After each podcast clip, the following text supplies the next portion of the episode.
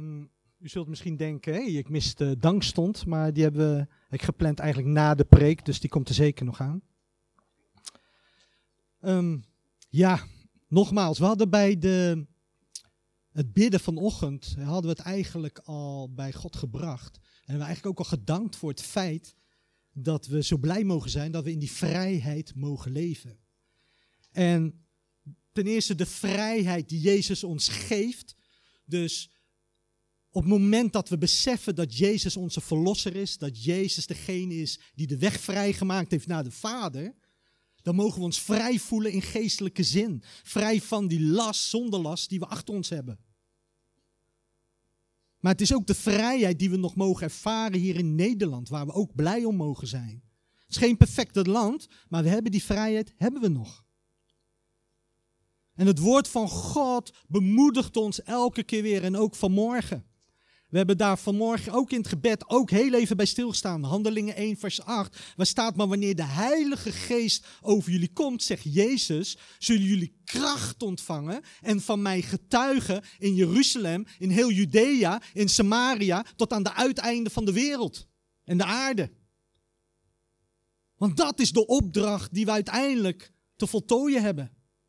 Om te vertellen van Jezus. De Heilige Geest het is fijn om de troosten te hebben. Het is fijn om in de kracht van de Heilige Geest te staan. Maar toetsen moeten we altijd, de Heilige Geest zal altijd wijzen naar Jezus. Het offer van Jezus. Op het moment dat we gaan merken dat de Heilige Geest, waar wij denken dat het de Heilige Geest is, niet meer gaat wijzen op Jezus, dan hebben we met een valse geest te maken. Dat is de toetsing sowieso. De Heilige Geest zal altijd wijzen op het offer van de Zoon van God, van Jezus Christus. En wat hebben wij in al die jaren, wat zijn we gezegend geweest met al die gastsprekers? Wat zijn we gezegend geweest met al die bijbelleraars die we in ons midden hebben gehad en nog steeds hebben? En wat hebben we een geestelijke bagage meegekregen? En wat hebben we daarmee gedaan? We mogen ook vandaag, het is altijd een moment in een leven, en dat is altijd het moment nu, waarop we een balans mogen opmaken. Wat we achter ons hebben, tien seconden geleden wat ik gezegd heb of gedaan heb, kan ik al niet meer terugdraaien. Maar wat voor mij ligt, kan ik nu de Heilige Geest, kan ik nu de Zoon van God bijbetrekken. Ik zeg, Heer, help me met alles wat ik nu ga zeggen. Elke stap die ik nu ga zetten, dat ik die samen met u kan zetten en ga zetten. Dat is de keuze die we mogen maken. En wat hebben we geleerd van al die geestelijke bagage die we meegekregen? Want die geestelijke bagage helpt ons de volgende stap te zetten. Want alleen vertrouwen op leiding van de Heilige Geest is fijn om te horen, maar is ook niet zo gemakkelijk. En daarom hebben we het woord van God gekregen om te toetsen en richting te geven. En we gaan vandaag gaan we samen op zoek naar welke volgende stappen we mogen maken. Wat hebben we geleerd van hetgene wat achter ons is? En wat hebben we vanuit het woord in die 2000 jaar, wat hebben we daarvan mogen leren? Nou, we hebben een hele mooie basis in het woord van God, waar ik zelf mee heb mogen beginnen in mijn eigen leven met Jezus. En dat is Johannes 3, vers 16. Daar staat, want God had de wereld zo lief dat hij zijn enige zoon heeft gegeven, opdat iedereen die in hem gelooft niet verloren gaat, maar eeuwig leven heeft. Ik denk dat 99% van wat hier zit, die tekst wel kent. En dat is dus die houvast. Dat is al een stukje fundament, dat is al een stukje basis die we aan elkaar mogen meegeven. Herhalen is niet erg als het om de basis gaat. Ik kijk graag naar voetbal. Nou, als ik kijk naar een goede club, dan is die goede club is niet zomaar goed geworden. Die hebben geoefend. De basis, basistechnieken, die moet je beheersen. Zoals God ons ook het woord heeft gegeven om in ons op te nemen. En het gaat er niet om alleen de letters te onthouden, want de letter alleen is dood. Maar de geest maakt het levend. Amen. En uh, ik weet, omdat ik Jezus heb aanvaard in mijn leven, dan gaat Jeremia 29, vers 11 ook van kracht worden. Want dat is de belofte van God. Dat is de belofte die we krijgen op het moment dat we dat offer hebben aanvaard. Mijn plan met jullie staat vast, spreekt de Heer. Ik heb jullie geluk voor ogen, niet jullie ongeluk. Ik zal je een hoopvolle toekomst geven. Ook zo'n bekende tekst. Maar zo goed om te onthouden, te bewaren, mee te nemen, te blijven delen met elkaar. Ik heb een hele mooie thema meegekregen vanuit het team Bijzondere Diensten. Adem in mij. Ik zeg het goed, toch? Ik heb gehoord, adem in mij, toch? Ik, zie Samuel uh, kijken, maar het klopt, hè? Adem in mij. Ja, anders heb ik het verkeerde thema. In Genesis 2, vers 6 tot en met 7, staat geschreven, en ik heb het even in de herziene statenvertaling gedaan, want ik vond dat een mooie vertaling. Maar een damp steeg uit de aarde op en bevochtigde heel de aardbodem. Toen vormde de Heere God de mens uit het stof van de aardbodem en blies de levensadem in zijn neusgaten. En zo werd de mens tot een levend wezen. Ik zal het even opnieuw lezen. Maar een damp steeg uit de aarde op, een damp, en bevochtigde heel de aardbodem. Dus het werd nat gemaakt. Toen vormde de Heere God de mens uit de stof van de aardbodem. En dan blaast hij zijn levensadem in de neusgaten van de mens. En zo werd de mens tot een levend wezen. Nefesh in het Hebreeuws. Een levend wezen. Dus die volgorde is kennelijk belangrijk. Vanuit het binnenste van de aarde komt damp om de aardbodem te bevochtigen. Het is vanuit de binnenste van de aarde. Waaruit de mens ook uit het stof van de aarde is gemaakt. En dan komt, die damp komt uit de aarde vandaan. Het stof komt van de aarde vandaan. We zijn niet willekeurig ontstaan op deze aarde. Wij zijn bestemd voor deze aarde. Want wij zijn uit deze aarde. En de mens Adam, zoals dat genoemd is, en vanuit het stof van de aarde, Adama in het Hebreeuws, dat verwijst allemaal naar elkaar. Maar het grote verschil met alles wat God al gecreëerd heeft in die zes dagen. Het grote verschil met creëren en het vormen van de mens is ook het Hebreeuwse grondwoord. Er wordt voor wanneer God de mens gaat vormen, gaat scheppen, wordt daar een ander Hebreeuws woord voor gebruikt. En dat heeft eigenlijk iets meer van dat een artiest, een kunstenaar, iemand met een bepaald doel, een bepaalde vorm voor ogen heeft om iets te gaan maken en te creëren. En dat is God. Hij heeft de mens gemaakt naar zijn beeld. En hij vormt iets moois. En dat is de enige wat ook verschilt van de andere creaties. Een ander woord, andere diepere betekenis. Het andere grote verschil, en dat is misschien wel het meest grote verschil, is dat God bij de mens levensadem inblaast in de neusgaten. En toen, op dat moment, werd de mens pas een levend wezen. En voor dat levend wezen wordt in het Hebreeuws nefesh gebruikt. Dat is een, ook een speciaal woord. Voor de bijbelleraars is dat beter om een keertje in de bijbelstudie uit te leggen. Maar het, het, is allemaal, het heeft allemaal specifieke betekenissen. Dus de levensadem van God is ingeblazen in die mens die die gemaakt heeft zoals hij die wilde maken naar zijn beeld. Deze fantastische mooie kunstenaar, en dan doe ik hem eigenlijk veel te kort, maar ik weet ook niet hoe ik het moet anders moet omschrijven, om het begrijpelijk te maken. Maar God is de mooiste kunstenaar die ik tot nu toe heb gezien. Als ik hier kijk en ik zie zoveel verschillende mensengezichten. En ik zie allemaal mensen, als ik hier naar kijk, allemaal mensen die knapper zijn dan ik. Denk van, wat hebben we een grote God. Dat dat mogelijk is. Knapper dan ik. Nou, dat is toch mooi. Maar dat is, hij vormt ons naar zijn beeld. En we zien en we mogen in elkaar, als we echt goed naar elkaar kijken. En we durven dat te doen. En we durven te kijken door de lagen heen van de mens zijn. Dan zullen we Jezus gaan zien in elkaar. Mits we natuurlijk Jezus hebben aanvaard. En dat is wat God ons in de harten wil laten zien. Als we naar elkaar kijken, dat we Jezus zien in elkaar. En niet het ongehoorzame deel. Niet het menselijke deel. Niet het deel wat misschien nog deels gevormd is door de boze. De mens heeft vanaf het begin van zijn schepping het beheer, het rentmeesterschap over de aarde gekregen. Dat is niet goed gegaan. Door de zondeval is de aarde flink verontreinigd. Niet goed gegaan.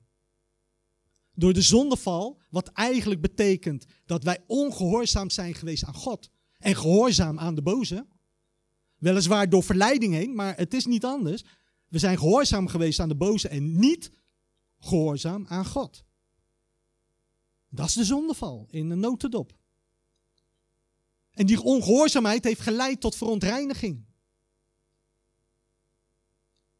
De mens, en het maakt niet uit in de loop der geschiedenis en nu, of de mens God kent of niet wil kennen. Maar in elke mens zit dus de levensadem van God. Want zo heeft God Adam gecreëerd, de mens gecreëerd.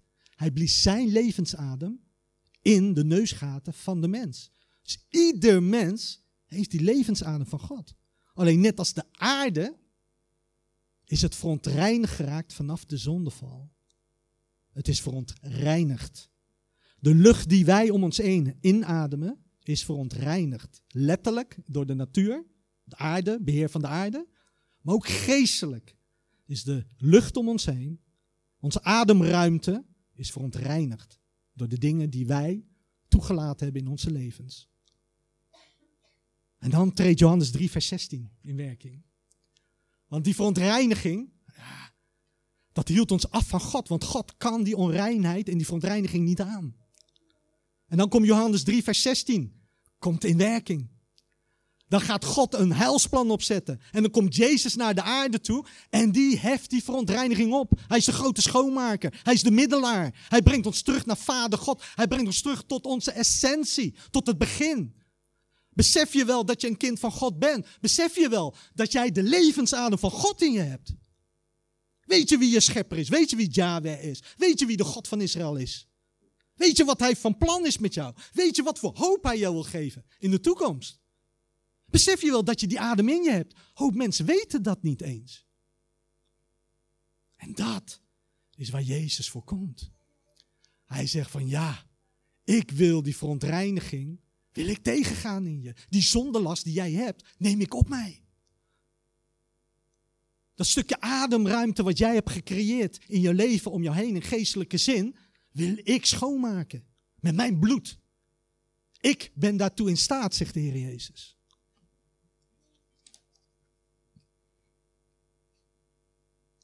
Johannes, voor degene die mee willen lezen, Johannes 20, vers 19 tot en met 30, staat het volgende. Ik ga even een stukje terug. Want we hebben het over Pasen gehad. En de Heer is gestorven. En zijn discipelen zijn bang. Bang dat ze misschien opgepakt worden. En dat zijn discipelen die Jezus hebben gekend, hè? Persoonlijk. Zoals wij elkaar aankijken, zo hebben zij de Heer Jezus gekend. Ze hebben zijn macht geproefd. Ze hebben zijn wonderen gezien. En zij zijn bang. Want Jezus is er niet meer. Ze kunnen hem niet meer zien. Johannes 20, vers 9 tot en met 30 staat op de avond van die eerste dag van de week waren de leerlingen bij elkaar. Ze hadden de deuren afgesloten, omdat ze bang waren voor de Joden. Jezus kwam in hun midden staan, vanuit het niets, en hij zei, ik wens jullie vrede. Na deze woorden toonde hij hun zijn handen en zijn zijde. En de leerlingen waren blij omdat ze de Heer zagen. En nog eens zei Jezus, ik wens jullie vrede. En zoals de Vader mij heeft uitgezonden, zo zend ik jullie uit. En na deze woorden blies hij over hen heen en zei, ontvang de Heilige Geest. Als jullie iemand zonde vergeven, dan zijn ze vergeven. Vergeven jullie ze niet, dan zijn ze niet vergeven. Zo'n macht wil Jezus hen geven. En een van de twaalf, Thomas, dat betekent tweeling, ik lees het vanuit de nieuwe Bijbelvertaling, was er niet bij toen Jezus kwam. En toen de andere leerlingen hem vertelden, wij hebben de Heer gezien, zei hij, alleen als ik de wonden van de spijkers in zijn handen zie en met mijn vingers kan voelen en als ik mijn hand in zijn zij kan leggen, zal ik het geloven. Een week later waren de leerlingen weer bij elkaar en Thomas was er nu ook bij. En terwijl de deuren gesloten waren, kwam Jezus in hun midden staan. Ik wens jullie vrede, zei hij. En daarna richtte hij zich tot Thomas. Leg je vingers hier, kijk naar mijn handen en leg je hand in mijn zij. Wees niet langer ongelovig, maar geloof. En Thomas antwoordde, mijn Heer, mijn God. En Jezus zeide tegen hem, omdat je me gezien hebt, geloof je. Gelukkig zijn zij die niet zien en toch geloven. Jezus heeft nog veel meer wondertekenen voor zijn leerlingen gedaan, die niet in dit boek staan, maar deze zijn opgeschreven, opdat u gelooft dat Jezus de Messias is, de Zoon van God, en opdat u door te geloven leeft door zijn naam. Toen ik deze Bijbeltekst, ik heb hem al va vaker gelezen, u waarschijnlijk ook, maar ik werd weer geraakt door de volgende dingen. Zijn discipelen waren bang, hebben we het net al over gehad. Bang. Bang omdat Jezus was gestorven. Ze wisten niet wat er ging gebeuren. En ze waren bang dat zij aangekeken zouden worden voor de acties die Jezus had gedaan. Ze waren bang dat ze opgepakt zullen worden. Ze waren gewoon bang. En wat doen ze dan? Ze sluiten de deuren.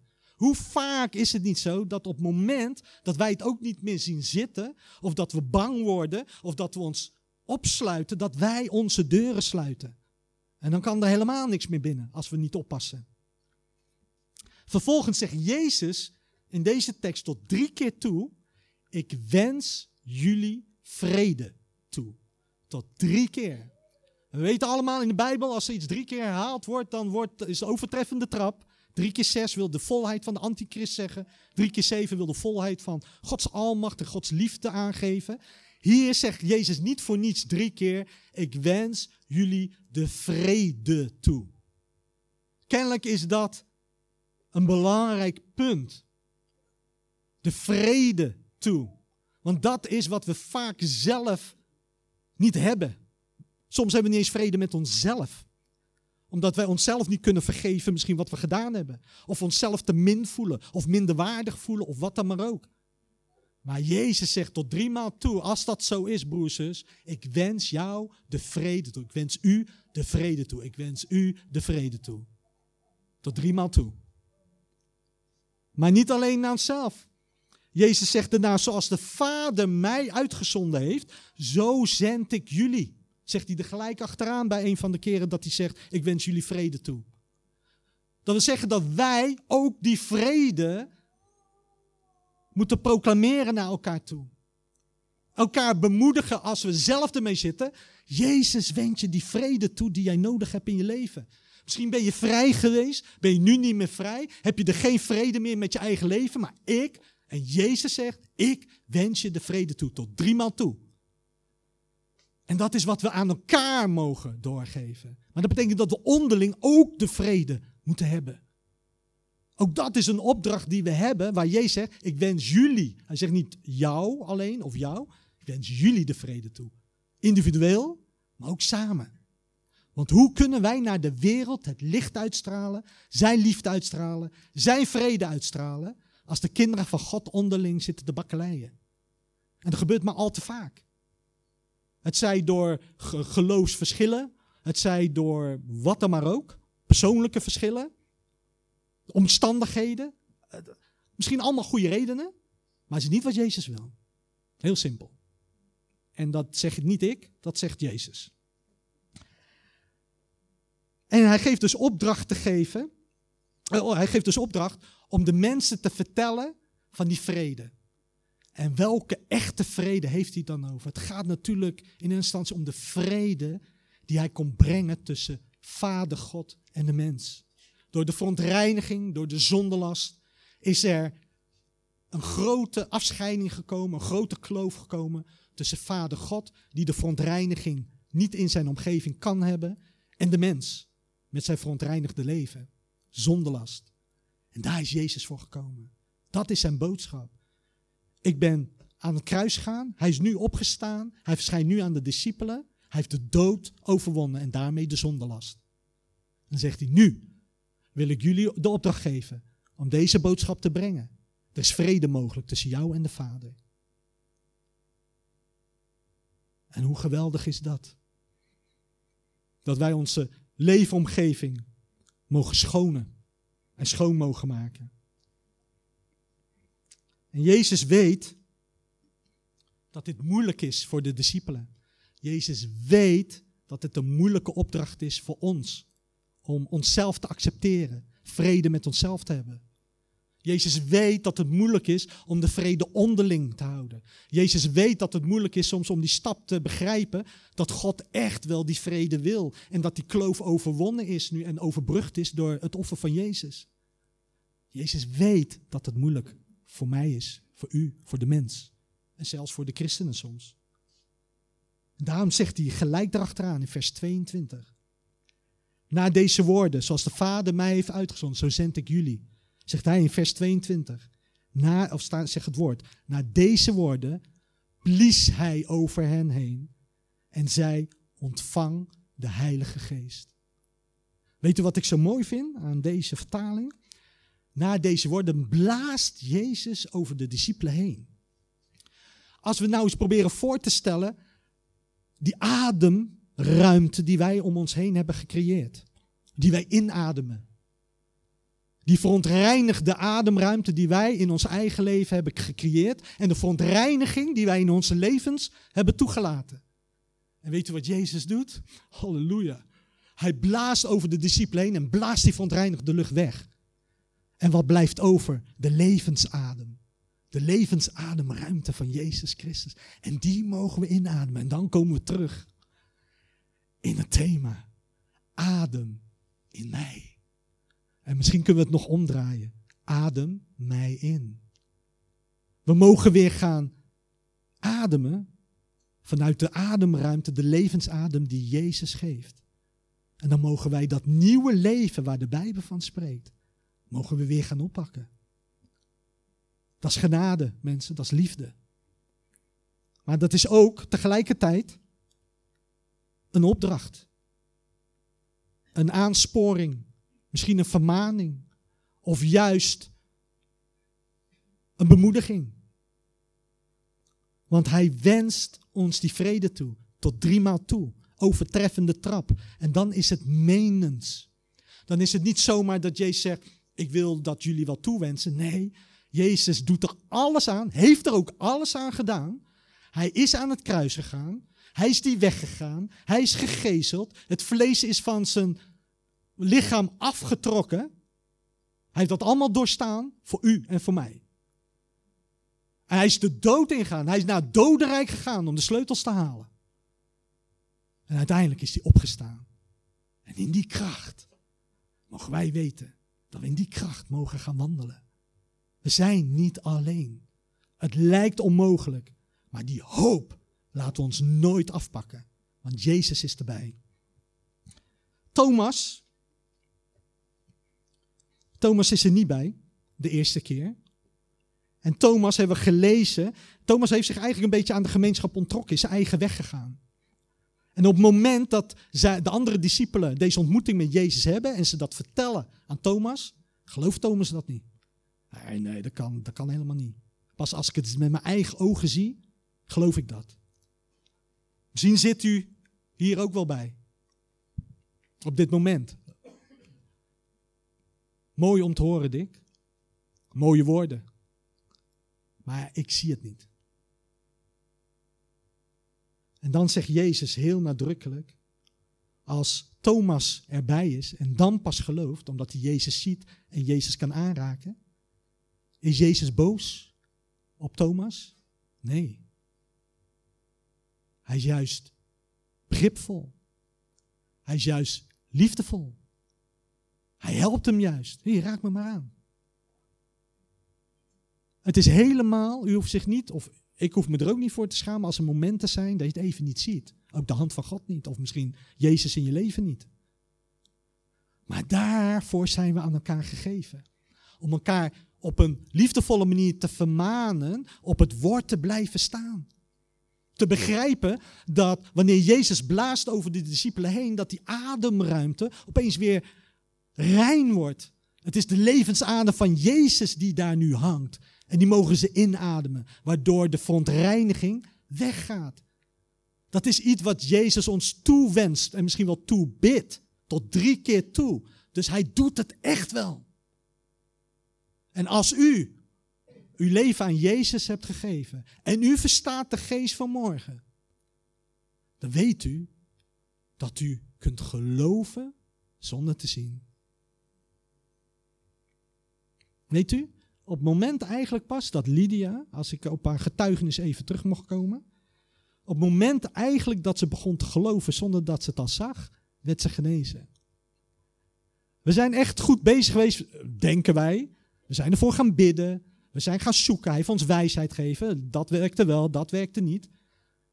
Maar ze werd toch teruggeslagen door de tegenslagen. Tot het moment dat ze het losliet. En zei van, ja, ik hoef het niet eerst te zien, heer. Ik geloof op u en ik vertrouw op u. En ik leg het in uw handen neer, maar ik blijf er wel hoopvol voor bidden. En toen pas was er echt ruimte. Jezus zegt zelf,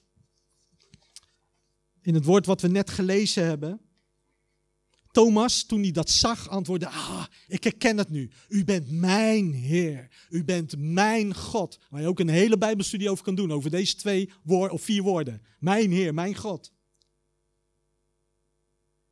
En Jezus zei dan tegen hem: Ah, omdat je me gezien hebt, geloof je me. Jezus is aan de ene kant blij, maar hij geeft gelijk ook een les mee.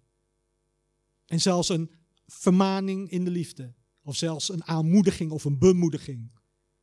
Gelukkig zijn zij die niet zien en toch geloven.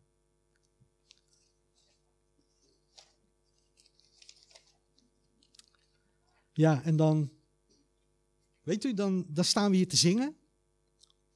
En denk van, ja, wees fijn. De een doet dat met eh, zang, kan dat eh, brengen, de ander doet het op een andere manier. Maar denk van ja, maar als ik mijn gitaar zo dadelijk wegleg en ik kom thuis of zo, dadelijk, wat blijft dan over van mijn liefde naar Jezus toe? Kan ik dat alleen nog maar door mijn gitaar heen doen? Kan ik dat alleen nog maar uh, doordat ik uh, bij uh, Ahoy ga zitten met 15.000 andere medechristenen? Dan kom je in die stilte. En daar begint het ware geloof. Want dan ben je alleen met God. En dan mag je gaan ademen. En dan mag je gaan proeven wat jouw ademruimte inhoudt. Of die verontreinigd nog steeds is. Dat je zegt van Heer, blaas het van me weg, over me heen weg. Blaas me overheen en dat uw levensadem, dat ik die mag gaan inademen. We gaan uh, één lied nog zingen en dan gaan we naar de bidstond toe. En dan heeft u, ik geef al aan, dan is er enige ruimte. En daarna wil ik graag uh, afsluiten met gebed. Het lied is uh, 548, uh, de muziek